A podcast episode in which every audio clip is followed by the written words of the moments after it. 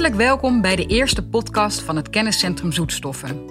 In het komende half uur ontrafelen diëtist Ismee Wiggers en wetenschapper Ralf Hartemink vraagstukken over zoetstoffen. Wat zijn nu eigenlijk zoetstoffen? En word je er dik van? Zijn ze slecht voor je gezondheid? En houden zoetstoffen je hersenen niet voor de gek? En krijgen we er niet te veel van binnen? Ismee Wiggers heeft meer dan 30 jaar ervaring op het gebied van voeding en diëtetiek. Ze werkte eerst geruime tijd in het Amphia ziekenhuis als diëtist en kwaliteitsfunctionaris. Daarna is ze haar eigen praktijk gestart.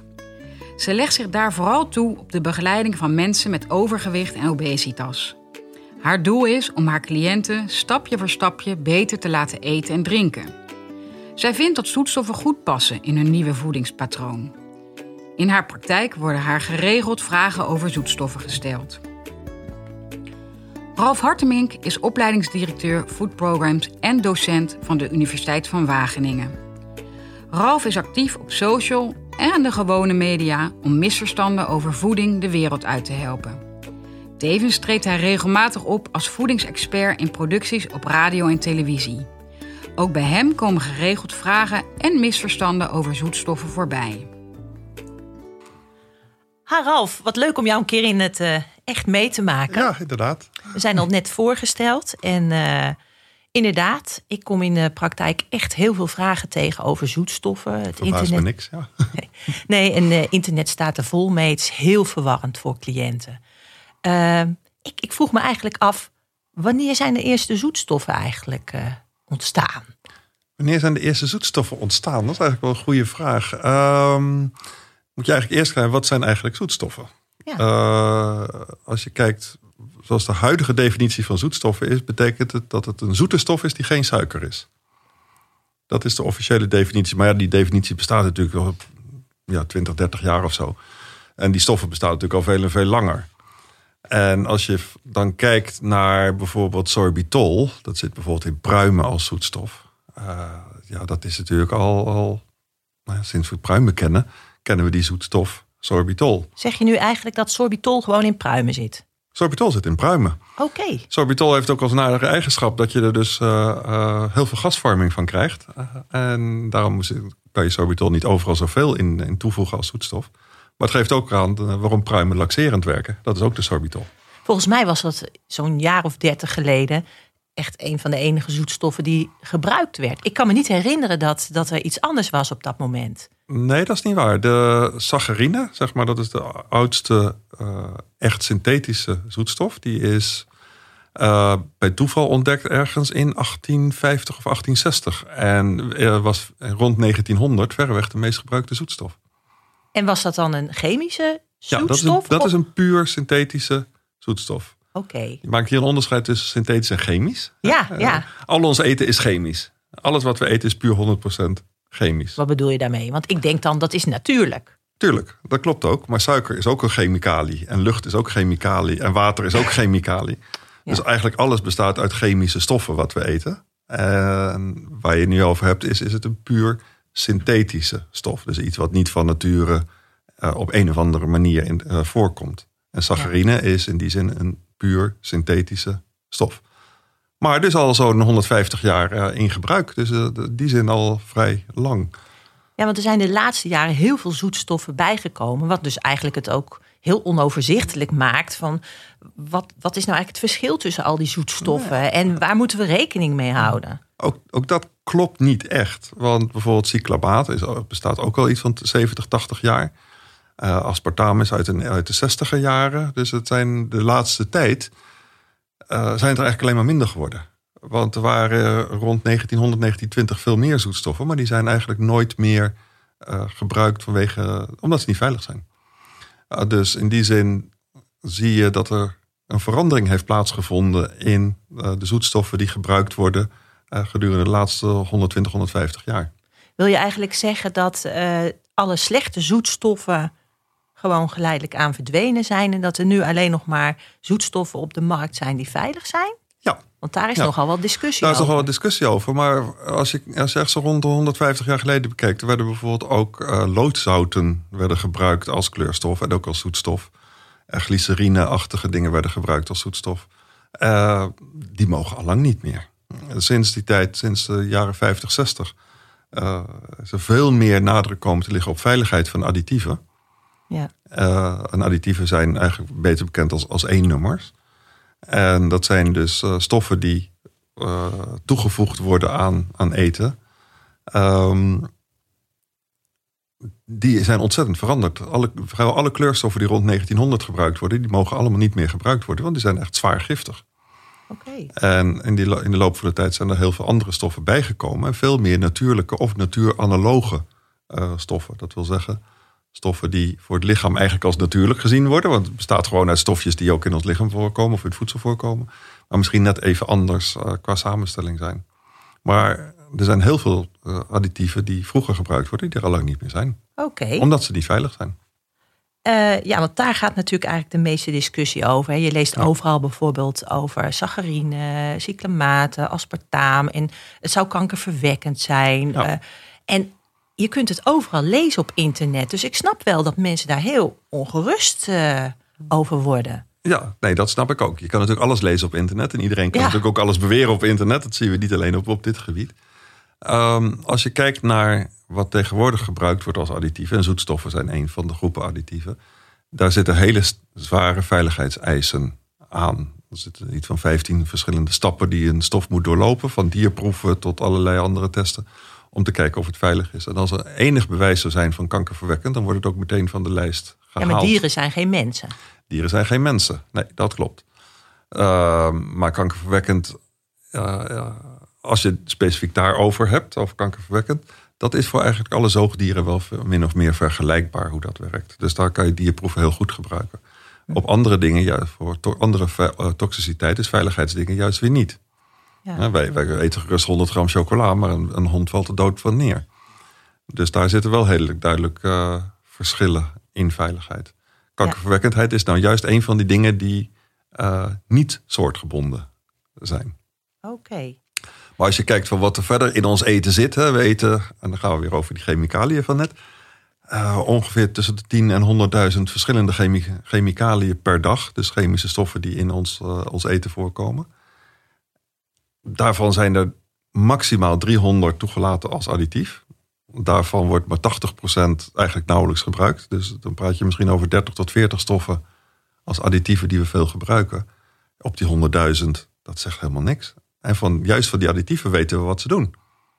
Daar is de veiligheid van bekend. En al die andere juist niet. Dus eigenlijk dat van nature in voeding kan zitten. Van wat er van nature in voeding zit. Ja, ja. ja. ja. dat is wel leuk om uit de mond van een uh, levensmiddelentechnoloog te horen. Ja, soms wil je, ook, wil je ook niet allemaal wil je heel veel dingen ook niet weten. Wat er allemaal aan, dingen in eten kan zitten wat niet veilig ik, is. Ik probeer ook, kijk, ik krijg cliënten met die vragen. En ik, ik begrijp ze ook wel. Hè. Dan staat er bijvoorbeeld van kinderen mogen er maar zo, zoveel van gebruiken. En dan denk ik van ja, waarom als kinderen er minder van mogen gebruiken, dan suggereert dat eigenlijk dat als je er meer van gebruikt, dat dat misschien uh, ja. niet goed is, toch? Of ben ik nou helemaal gek? Nee, dat is een hele logische gedachte. Maar de, de reden daarvoor is iets, is iets anders. Um, zoetstoffen of additieven in het algemeen worden gewoon getest op volwassenen.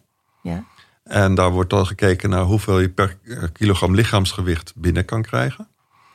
Uh, kinderen zijn uiteraard kleiner, dus die hebben veel minder lichaamsgewicht. Dus het hoeveel, de absolute hoeveelheid is natuurlijk veel minder wat ze binnen mogen krijgen.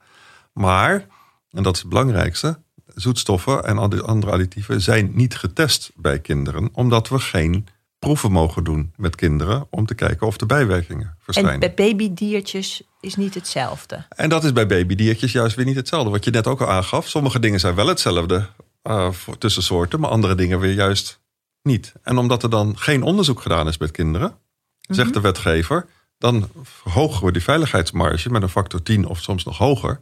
Of zeggen gewoon het is niet, niet toegestaan voor kinderen. Maar dat is dus een wetgevingskwestie. Het is dus niet zo dat het dus gevaarlijker is voor kinderen. Het is gewoon, we weten niet wat het doet met kinderen. En daardoor wordt er een hogere veiligheidsmarge opgezet. Maar dat is voor de gewone consument totaal onduidelijk. Dat kan ik me heel goed voorstellen. Ik bedoel, uh, hè, kinderen nemen heel vaak tussendoortjes mee naar school. En dan nemen ze tegenwoordig bijvoorbeeld Slimpy of een andere suikervrije limonadesiroop. Ja. Er staat dan op twee calorieën per glas. Dus qua energie is dat heel gunstig. Ja. Maar dan is dan wel zoetstof aan toegevoegd. Ja. En ja, als er kinderen vijf, zes van dat soort glazen per dag drinken, het was hartstikke warm weer. Uh, ja, wat vind je daar dan van? Wat moet, ik, wat moet ik daar nou als diëtist van vinden? Ik denk eigenlijk gevoelsmatig van leer die kinderen gewoon water drinken. Maar ik snap ook wel dat dat niet bij iedereen opgaat. Nee, water is natuurlijk in die zin altijd, altijd slimmer. Maar goed, uh, kinderen houden nu eenmaal van zoet. Ja. Dus helemaal vermijden zou je dat dan niet kunnen. En als, als een kind last heeft van overgewicht uh, en te veel suiker binnen zou krijgen, dan zou je zoetstoffen beter kunnen gebruiken.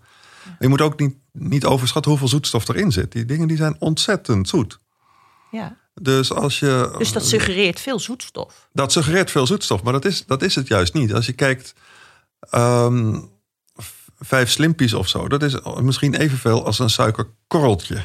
Wat je aan zoetstof binnenkrijgt. Niet een suikerklontje, maar een suikerkorreltje. Oké. Want het spul is ongeveer 200 keer zo zoet als suiker.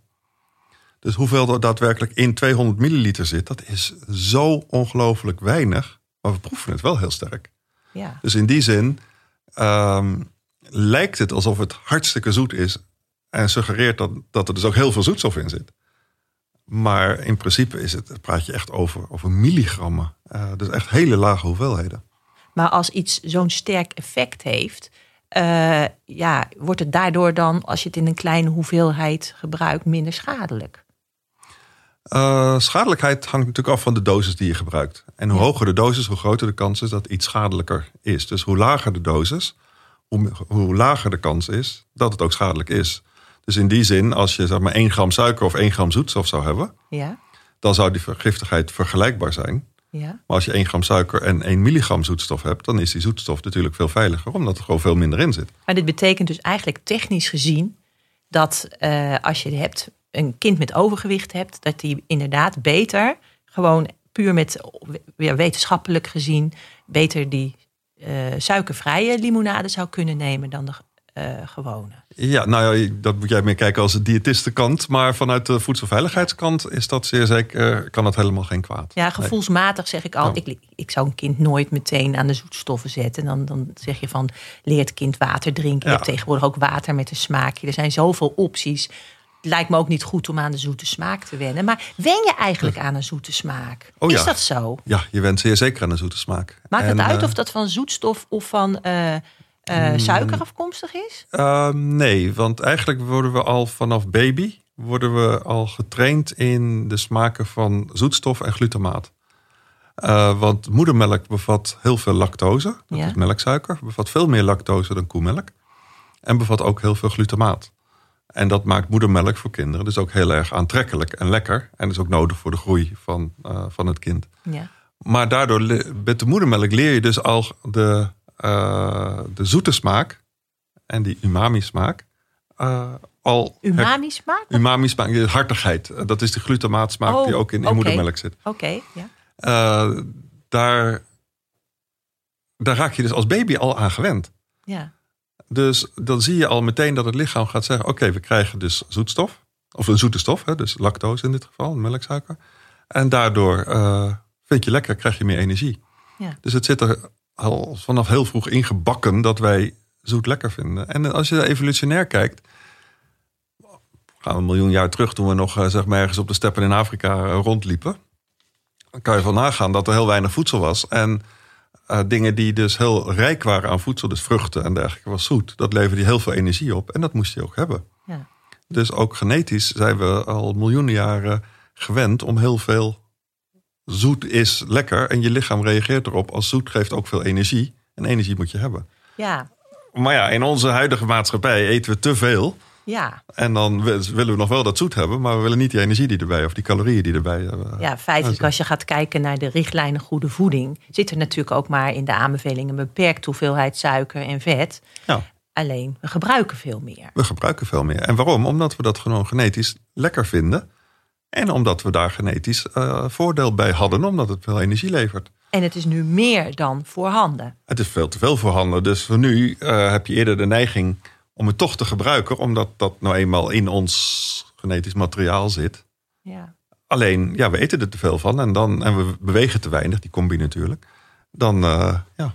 Nou, het is ook best wel heel moeilijk om van uh, een, een, uh, een, hele berg suiker ineens naar nul terug te gaan. Dat weet ik natuurlijk vanuit mijn eigen praktijk. Mensen die soms bijvoorbeeld diabetes krijgen en gewend zijn om zo'n zo'n anderhalve liter fles cola per dag te drinken. Mhm. Ja, die, en die houden niet van water. Dan sta ik echt met mijn rug tegen de muur. Dan, en ze moeten toch drinken. Dan ben ik eigenlijk best wel heel blij als ze in de eerste instantie overgaan van uh, de, de gewone cola naar de cola light. Mhm. Omdat je dan in ieder geval al een direct effect op de bloedsuiker ziet. En het gewicht wat makkelijker kan dalen. maar nu zijn er bijvoorbeeld weer allemaal verhalen. Ja, ik, ik weerleg het. Mhm. Maar ik zou het jou graag nog een keer uh, willen horen zeggen. Dat als je zoetstoffen gebruikt, de bloedsuiker toch wel degelijk uh, beïnvloed wordt. Dan wel toch een insulinestijging uh, meetbaar zou zijn. Ja, dat is niet direct mijn vakgebied, want dat is meer de, de, de medische voeding. Ik ben geen medicus. Mhm. Maar in principe reageert het lichaam met een, uh, op twee manieren op zoetheid. De ene gaat naar je hersenen, van oh lekker, zoet, ik krijg energie. Anderzijds reageert het puur op het suikermolecuul. En het suikermolecuul uh, zorgt dan voor een aantal reacties, waardoor je insuline krijgt. Ja. Terwijl bij zoetstoffen reageren we misschien wel in ons hersenen van hey, oh lekker zoet en ik, ik heb er zin in. Maar het is geen suikermolecuul. En de rest van het lichaam, die, eh, al die zogeheten receptoren op je cellen, die zorgen ervoor dat insuline gemaakt gaat worden, die reageren niet op een zoetstof. Want het is een hele andere chemische structuur. Dus daardoor krijg je geen, of misschien heel gevallen een kleine, maar in principe krijg je geen insulinepiek, omdat het biochemisch op een hele andere manier werkt. Ja. Ja, voor mij is dat zo klaar als een klontje. Maar waar blijven dan die hardnekkige verhalen vandaan komen? Want het is wel heel vermoeiend, moet ik zeggen. Dat is heel vermoeiend. Ja, ik denk dat het vaak ook echt een, een geval is van... mensen weten het niet. Uh, een zoetstof klinkt misschien wat gekker dan suiker. We zijn natuurlijk al, al gewend aan suiker. Een zoetstof is, ja, wat is dat nou eigenlijk? Uh, dan moet het ook op het etiket staan met, een, met de officiële naam, de, de chemische naam. Mm uh, dat kennen mensen niet, dus dan wordt het al enger. Maar ja, als er vitamine C op staat, kennen we het wel. Maar als er ascorbinezuur op staat, kennen we het ook niet. Dan vinden we het ook eng klinken.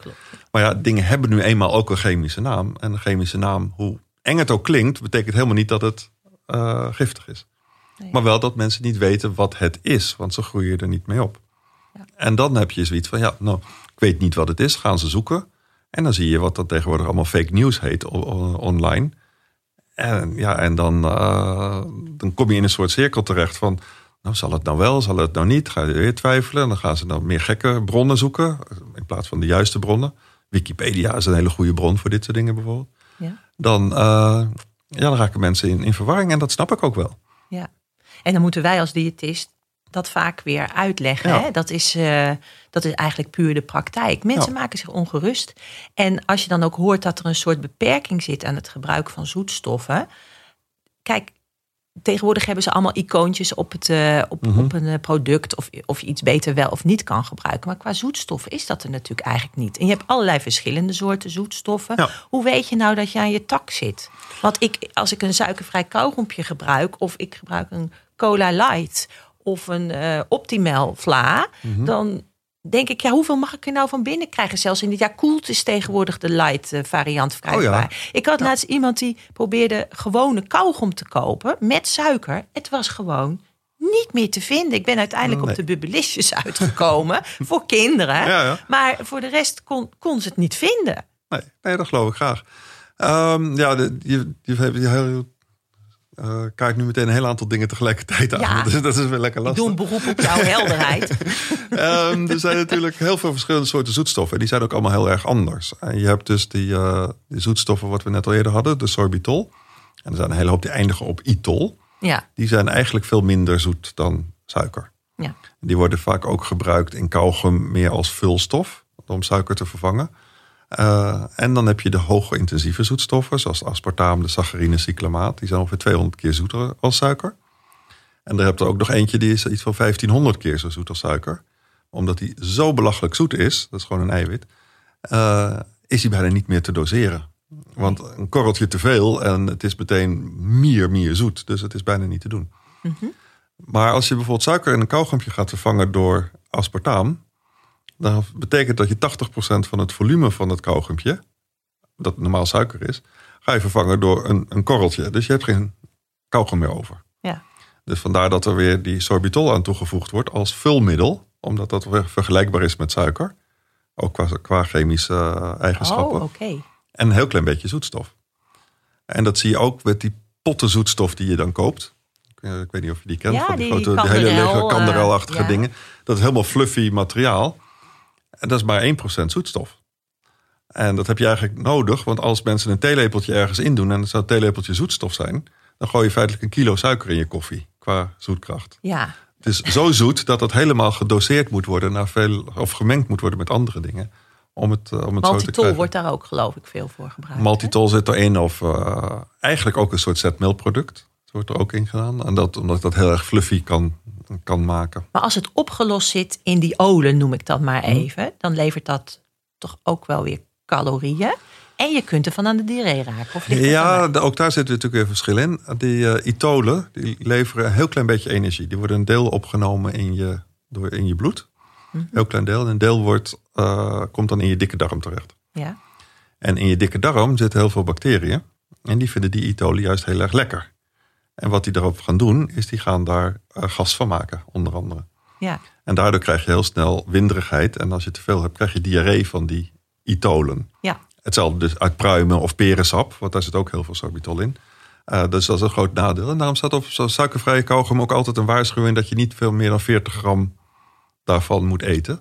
Want dan krijg je er snel winderigheid van. Natuurlijk totaal onschuldig, maar niet erg prettig. Nee. Eh, dat spreekt voor zich. Oh, er zijn echt mensen die er enorm last van hebben. Oh ja, die, kan, die, die eh, zeggen, ik heb tuurlijk. gewoon echt een Ja. opgeblazen buik. Soms Ja. lijk ik wel zwanger. Ja. En denk ik, dat kan toch niet goed zijn? Nee, maar de, die itolen vallen onder ook eh, allerlei andere kleine suikers die in, in van nature zitten. Bijvoorbeeld ook in uien en andere dingen. En sommige mensen reageren daar heel erg heftig op. Ja. En die hebben een, een darmflora die daar heel fanatiek in is. En dan krijg je heel veel gas van. Ja. Die andere zoetstoffen, zoals eh, aspartaam en dergelijke, eh, die zijn zo zoet dus dat je er veel weinig bij binnen krijgt. Dus heeft ook geen effect op je darmflora, tenzij je echt kijkt naar hele hoge concentraties. Ehm, sucralose kan wat doen op je darmflora, maar dan moet je dus echt ehm belachelijke grote hoeveelheden eh toe. Daar is onlangs een onderzoek over geweest, of niet? ja, daar zijn wel onderzoeken naar gedaan. Maar dat, dat zijn onderzoeken die juist proberen te kijken... zijn er bijeffecten op grote hoeveelheden. Ja. Maar dat, als je dat relateert naar hoeveel je daadwerkelijk binnenkrijgt... is dat niet, niet realistisch. En het grote voordeel van zoetstoffen... of eigenlijk het gevaar van veel stoffen in, in, eh, in ons voedsel... als ze gevaarlijk kunnen zijn, kunnen ze zich ophopen. En dat betekent dat je iedere keer meer krijgt en dan wordt het gevaarlijk. Zoetstoffen zijn juist heel erg wateroplosbaar. Anders kan je ze ook niet in frisdrank en zo gebruiken natuurlijk. En die, die plas je gewoon uit of gaat er met je darm uit. Dus je hoopt nooit iets van zoetstof op. Dus als je vandaag een kilo zoetstof hebt, dan heb je er morgen geen last meer van. Want dan ben je het helemaal kwijt door, je, eh, door de urine of je darm. Oké, En dat is wel een groot veiligheidsaspect aan, eh, aan dit soort stoffen. precies. Ja, als ik het nou zou hebben, hè, eh, gewoon in het algemeen, over zoetstoffen, de voor- en de nadelen. Ja, ik zie zelf als voordeel dat ze minder energie leveren. Mhm. Althans, een beperkte groep. Niet de olen, al krijg je Nee. daar dus vaak ook niet zoveel van binnen. Want er zit al een natuurlijke bescherming eh, bij. Ja, de hoeveelheid energie is natuurlijk nog, nog steeds eh, maar een fractie van de hoeveelheid energie van suiker. Oké. Maar het levert wel wat calorieën op. Ja. Ja, en eh, dan heb je nog alle andere, dus niet de calorieleverende zoetstoffen. Ehm, ja, dan, dan ben ik blij, omdat dat een rol he- kan hebben in het, eh, ja, het bestrijden van onze uiteraard. Ja. overgewichtsepidemie. en eh, ja, daar, daar word je, ik, ik laat het eigenlijk van de cliënt afhangen of die daar eh, ja, zich goed bij voelt, ja of nee. Maar voor Ja. mij is het wel een optie. Als ik nou aan Zeker. jou vra- vraag van, ja, mag ik daar? Ik bedoel, ja, wetenschappelijk gezien is er volgens mij niet echt veel tegen op het Nee. Nee eh, adviseren van producten met zoetstoffen. zeker niet. Eh, juist wat ik net zei, ze zijn zo belachelijk zoet. De kans dat je ook maar enigszins in de buurt komt van een mogelijk gevaarlijke dosis, dan dat, dat krijg je gewoon niet voor elkaar. Nee. Dan dat lukt je echt niet zonder theelepeltjes van de zo- zoetstof puur op te gaan eten. Dus in die zin zijn ze gewoon veel veiliger dan heel veel andere dingen die we in ons eten hebben. Ehm, En als ze dan gebruikt kunnen worden, zoals in jouw geval, ja, moet je dat ook zeer zeker doen. Dus van voedselveiligheidskant is er geen enkele reden om het niet te doen. Nee. Het is natuurlijk een kwestie van smaak. Is het nodig? Of is het voor overgewicht of voor diabetes, et cetera? Dat, dat is een, iedereen wat, wat ieder voor zich moet uitmaken of het nodig is. Maar vanuit voedselveiligheidskant ja. uh, is er geen enkele reden om het niet te doen. Nee. Dat kan je ook uitrekenen. Mensen zeggen van, uh, dat zei je net zelf ook al, ja, ik heb cola light en ik heb een, uh, een toetje en ik heb een koekje en overal zit dan wat in. Maar als je al je suiker in je, in je voedsel, alle toegevoegde suiker in je voedsel gaat vervangen. Ja. En we eten in Nederland ongeveer 23 kilo suiker. Eh, per jaar. Dat is ook best wel dat veel. Is best veel. Ja. en dat is dus in koekjes en in frisdrank en in chocola en in, in. Nou, kauwgom dus niet meer, dat zei je net. Er zit geen suiker meer in. Maar al dat soort dingen, als je dat allemaal gaat vervangen uh, door zoetstof, dan hou je eigenlijk alleen nog de suiker uit frisdrank en melk, want dat kan je natuurlijk niet vervangen. Mhm. Als je dat eh, de rest allemaal vervangt, uh, dan haal je nog niet eens de helft van wat je dagelijks binnen mag krijgen aan aspartaam uh, als wat de overheid heeft gesteld als uh, maximum wat iemand binnen mag krijgen. Ja. En dat maximum wat iemand binnen mag krijgen is minimaal 100 tot 200 keer lager dan de dosis waarop bij het meest gevoelige proefdier bijwerkingen zijn gekomen. Ja. Nou, dus er zit een gigantische veiligheidsmarge in. En zelfs als je dus je hele 23 kilo suiker die je per jaar eet, helemaal gaat vervangen door aspartaam. Ja. Wat natuurlijk niet kan, want je kan geen koekjes en, en dergelijke allemaal maken met aspartaam. Dat is het ook niet te doen. Uh, dan haal je nog niet eens de helft van wat je binnen mag krijgen.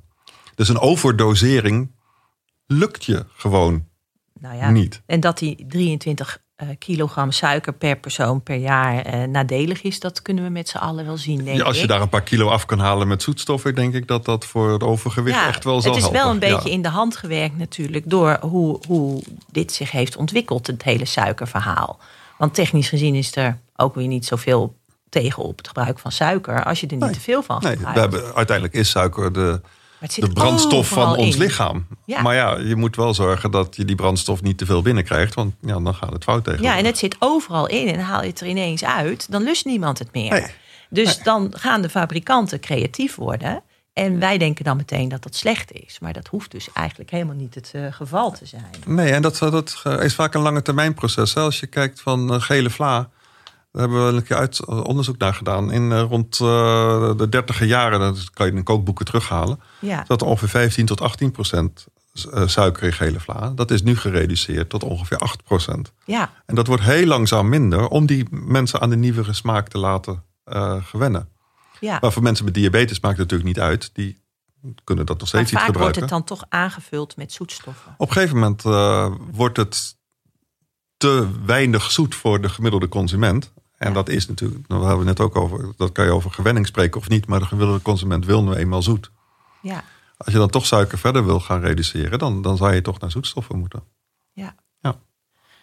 Ik zat ook van, uh, ja, zoetstoffen, hè, als je kijkt naar het gebruik ervan. Uh, de een is om te koken, de ander is om te bakken, de ander te braden. Hoe zit dat nou precies? Ja, je hebt natuurlijk heel veel verschillende soorten zoetstoffen. En wat mensen willen, is dat je die zoetstoffen op dezelfde manier kan gebruiken als dat je suiker kan gebruiken. Maar suiker is een heel ander molecuul. Ja. En die zoetstoffen hebben ook allemaal hele andere moleculen. Uh, je hebt de puur synthetische, waar we het eerder over hadden. Saccharine mhm. is puur synthetisch. Ja. Je hebt aspartaam, wat feitelijk chemisch een eiwit is. Dus dat reageert ook als eiwitten in, uh, in eten. Dat brandt aan. Zeg Dat brandt aan. Dat brandt aan, bijvoorbeeld. Maar eiwitten reageren ook op, uh, op hitte. Ja. suiker kan je verhitten tot nou, iets meer dan 100 graden. En daarna ga je karamel krijgen. Maar voor de meeste dingen is suiker te verhitten tot 100 graden is prima. Ja. Aspartaam en andere eiwitten die, breken, die gaan afbreken bij hogere temperaturen. Ja. De itolen uh, die hebben daar ook weer andere effecten bij hogere temperaturen. Steviolglycoside, beter bekend als stevia, dat, die breken ook af bij hogere temperaturen. Dus iedere zoetstof heeft een andere chemische samenstelling. Ja. En dus ook andere chemische en fysische aspecten. Dus of het Welke aanbrandt nou of niet. het meest op eh, suiker in het gebruik? Uh, dat kan je niet zeggen. Nee? Nee, dat kan je niet zeggen. Als je kijkt naar opgelost, dus in frisdrank, dan heeft sucralose en aspartame hebben zeg maar de beste suikersmaak in vruchtachtige dingen als, als frisdranken. Uh, die hebben vaak, een, en, en ook neohesperidine wordt ook nog wel eens een keer gebruikt, hebben meer een dropachtige nasmaak. Ja. Dus heel veel mensen vinden steviolglycoside in koffie helemaal niet lekker, want het heeft een nasmaak. Ja. Uh, saccharine cyclamaat, als je dat in een soort pure vorm hebt, heeft een metaalachtige nasmaak. Dus dat vinden mensen ook niet lekker. En om dat te voorkomen zie je dat vaak dat er mengsels van zoetstoffen worden gebruikt. Om te zorgen dat je wel de juiste suikergewaarwording krijgt, maar niet die, die nasmaken die verschillende zoetstoffen kunnen hebben. Waar overigens ook niet iedereen gevoelig voor is. Sommige mensen zijn daar veel gevoeliger voor die nasmaak dan anderen. Maar als je iets wil bakken en je hebt de structuur nodig. Ja, dan wordt het heel erg lastig als je, als je dat wil doen met een intensieve zoetstof, zoals aspartame of zo. Dat, dat gaat niet echt lekker. Nee. nee. Er zijn dan wel weer stoffen bij die dan weer geen zoetstof zijn, maar wel daarvoor gebruikt worden. Dat is weer wettelijk, dat heet erytrose. Mhm. Dat is eigenlijk een suiker. Ja. Maar een, zeg maar een kleinere vorm van suiker. En omdat het een suiker is, mag je het niet weer een zoetstof noemen. Maar het gebruiken is eigenlijk als een zoetstof. Dus dat is heel erg lastig. Het is eigenlijk heel knap om een suikervrij gebakje te maken, dus eigenlijk. Ja, ja. ja want eigenlijk uh, in gebak en in, in drop en in chocola en al dat soort dingen. Suiker is de bulk. Ja.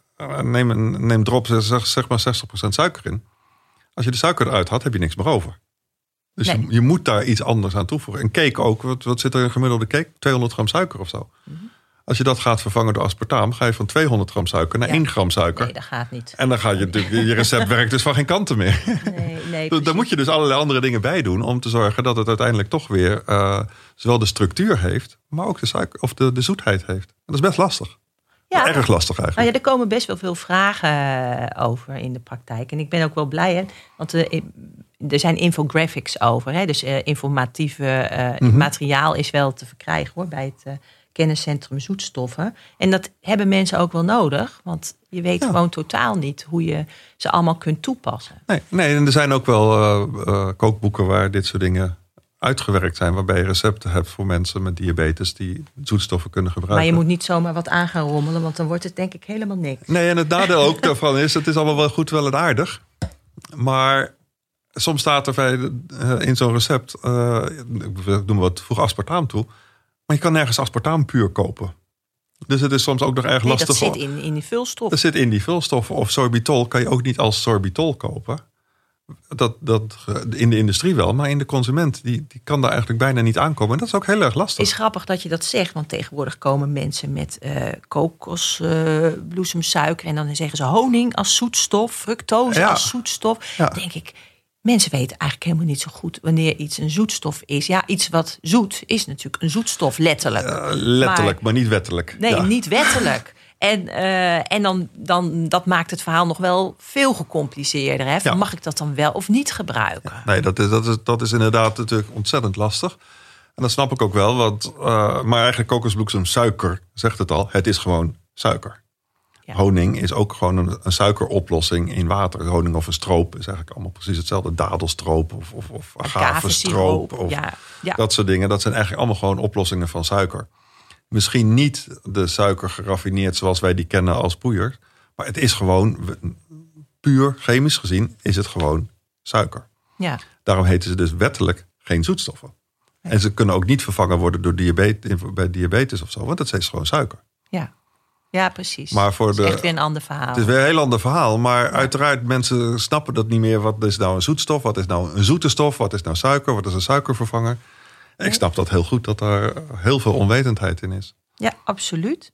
Ralf, Ja, de tijd zit er bijna op. Maar ik wil je toch nog twee vragen stellen waar, Is ik, eh, waar ik tegenaan loop. Light. Light, Light. Dat, ja. ik kan me herinneren, het, het lijkt bijna geen beschermde titel. Want ik heb pindakaas light, dan is het vet Mhm. verminderd. En dan denken mensen dat er geen suiker in zit. Kun jij dat toelichten? ja, light is juist wel beschermd. Wel beschermd. Light staat in de, in de Europese wetgeving als dat het 30% minder calorieën moet hebben dan het reguliere product. Eh, maar calorieën kan je halen uit eh, koolhydraten, dus suikers. Je kan eh, het halen uit vet. Je kan het halen uit alcohol. Je kan het zelfs halen uit, uit eiwit, maar dat wordt bijna niet eh, gebruikt in dit geval. Dus jouw pindakaas light bevat gewoon 30% minder vet of energie uit vet dan regulier pindakaas. Oké. En in alcoholvrij bier geldt dat er gewoon minder alcohol in zit. Het betekent dus niet dat er niets in zit. Nee, dat is... Het, het moet minimaal 30% minder zijn. Ja. Iets wat nul heeft, kan uiteraard dus light zijn. Ja. Maar light wil niet zeggen dat er, niks, dat er geen energie Nee, in zit. Er zit alleen veel minder ja. energie in. Nou, Bijvoorbeeld wat je net noemde cola en cola light, waarbij dus eh, cola eh, heel veel suiker bevat en cola light nul suiker bevat. Ja, daar is het van heel veel naar nul. Ja. Maar pindakaas light, dat bevat nog steeds heel veel energie, alleen wel 30% minder dan gewone pindakaas. Ja. Want je kan niet alle vet uit pindakaas halen, want dan smaakt het niet meer. Nee, dat zou ik niet weten hoe je dat moet doen. Nee. Nou, je kan dat doen, maar dan hou je een pindameel over. En dat, Oh. dat lijkt me nog niet echt lekker. Misschien kunnen we er weer mee bakken. Dus, eh, Pindameel in plaats van ja, amandelmeel. ja, nee, dat kan. Dat kan. Maar ehm, nog iets. Er zijn ook heel veel mensen die zeggen... ik krijg migraine van het gebruik van zoetstoffen. Ja, of dat eh, hoor je heel veel. ik krijg pukkeltjes. Ja. Wat, wat moet ik daarmee? Ja, dat is heel erg lastig. Als je gewoon puur naar de wetenschappelijke kant kijkt, eh, zijn dat soort bijwerkingen gewoon letterlijk niet beschreven. Mhm. Eh, soms zijn, is het ook heel onlogisch dat iemand iets krijgt omdat de stof helemaal niet in je bloed komt. Bijvoorbeeld. En als iets niet in je bloed komt, ja, hoe kan het dan ergens anders in het lichaam eh, effecten opleveren? Dat is soms heel erg lastig. Dus als je puur naar de wetenschap kijkt van eh, wat is er gedaan met grote groepen mensen, et cetera, dan, dan zie je dit soort dingen juist helemaal niet terug. Desalniettemin hoor je dat nog best wel eh, vaak. En daar, daar, daar kunnen meerdere redenen voor zijn. Maar dat zie je ook met medicijnen. Die worden natuurlijk ook getest. En, en, en paracetamol, om wat te noemen, dat wordt door miljoenen mensen gebruikt. Zonder enige bijwerking. En er zijn altijd wel mensen, daar heb je die bijsluiters van natuurlijk, die er wel op reageren. Dus het is niet uitgesloten dat sommige mensen wel degelijk ergens op reageren. Eh, als dat dan, en die gaan dat dan bijvoorbeeld weer publiceren op, op eh, social media. Mensen zien dat, hebben zoetstoffen, hebben een, hebben een hoofdpijn. En gaan denken, oh die hoofdpijn zal weer van die zoetstoffen komen. Ja. Eh, Dat is dan een vervolgeffect. Dus het wil niet zeggen dat het niet kan. Het is alleen heel erg zeldzaam. En als je de grote groepen mensen bekijkt, in studies komt het niet naar voren. Nee. Maar individueel zou het kunnen. Maar mensen krijgen eh, door allerlei foute informatie soms ook een psychologische eh, trigger om te zorgen waarbij ze lezen oh, dat er iets is. Ja. Dat geldt voor medicijnen trouwens ook. En daardoor die bijwerking krijgen. Een soort placebo-effect. Oké. Voor de persoon maakt dat niet uit. Want die heeft natuurlijk nog steeds precies hetzelfde effect. Maar dan moet je gewoon ook als diëtist heel goed kijken van nou, kan ik dan eh, met een soort eh, proefje kijken van nou, hier krijg je het. Heb je er dan last van? Of, of heb Nou, je kijk, er de poliolen zijn natuurlijk eh, allemaal duidelijk. daar en eh, binnen het van. FODMAP Ja. eh, kun je dat niet dat- gebruiken. Nee, dat is heel maar duidelijk. eh, alle andere zoetstoffen, die komen dus eigenlijk ook niet in die vorm in je bloed. Ehm, ja en nee, dat hangt er weer vanaf. Aspartaam bijvoorbeeld wordt gewoon in je maag eiwit, afgebroken. Is een eiwit, wordt Ja, afgebroken tot drie stoffen. Die, die we, ja, drie lichaams-eigen stoffen noem ik het altijd maar. Ja. Dus die lichaams-eigen stoffen worden opgenomen in het bloed. Dus het is heel onlogisch dat het dan nog iets zou kunnen doen. Mhm. Om- omdat ja, je, hebt het, eh, je lever maakt diezelfde stoffen aan. ja. Acesulfaam K wordt bijvoorbeeld wel opgenomen in het bloed. Eh, komt in de lever. De lever kan daar niets mee. En het wordt dan gewoon via de nieren uitgescheiden. Onveranderd. Dus in die zin komt het wel in het bloed, maar doet weer niks. Omdat het gewoon een inerte stof is. Die niet kan reageren. Dus ook per zoetstof kan dat weer veranderen. Van stevia weten we dat bijvoorbeeld nog niet.